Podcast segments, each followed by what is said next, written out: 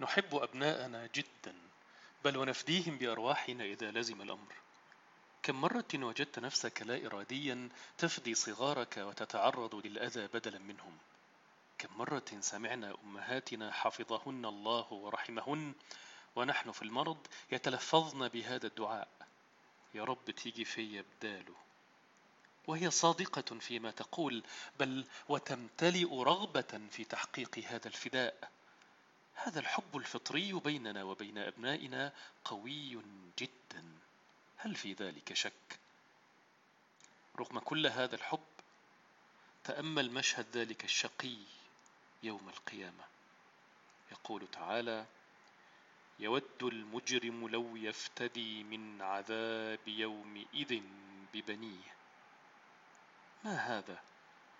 يود لو يلقي بفلذة كبده بدلا منه في هذا الشقاء يفتدي نفسه بهؤلاء الذين كان يضحي من أجلهم في الدنيا؟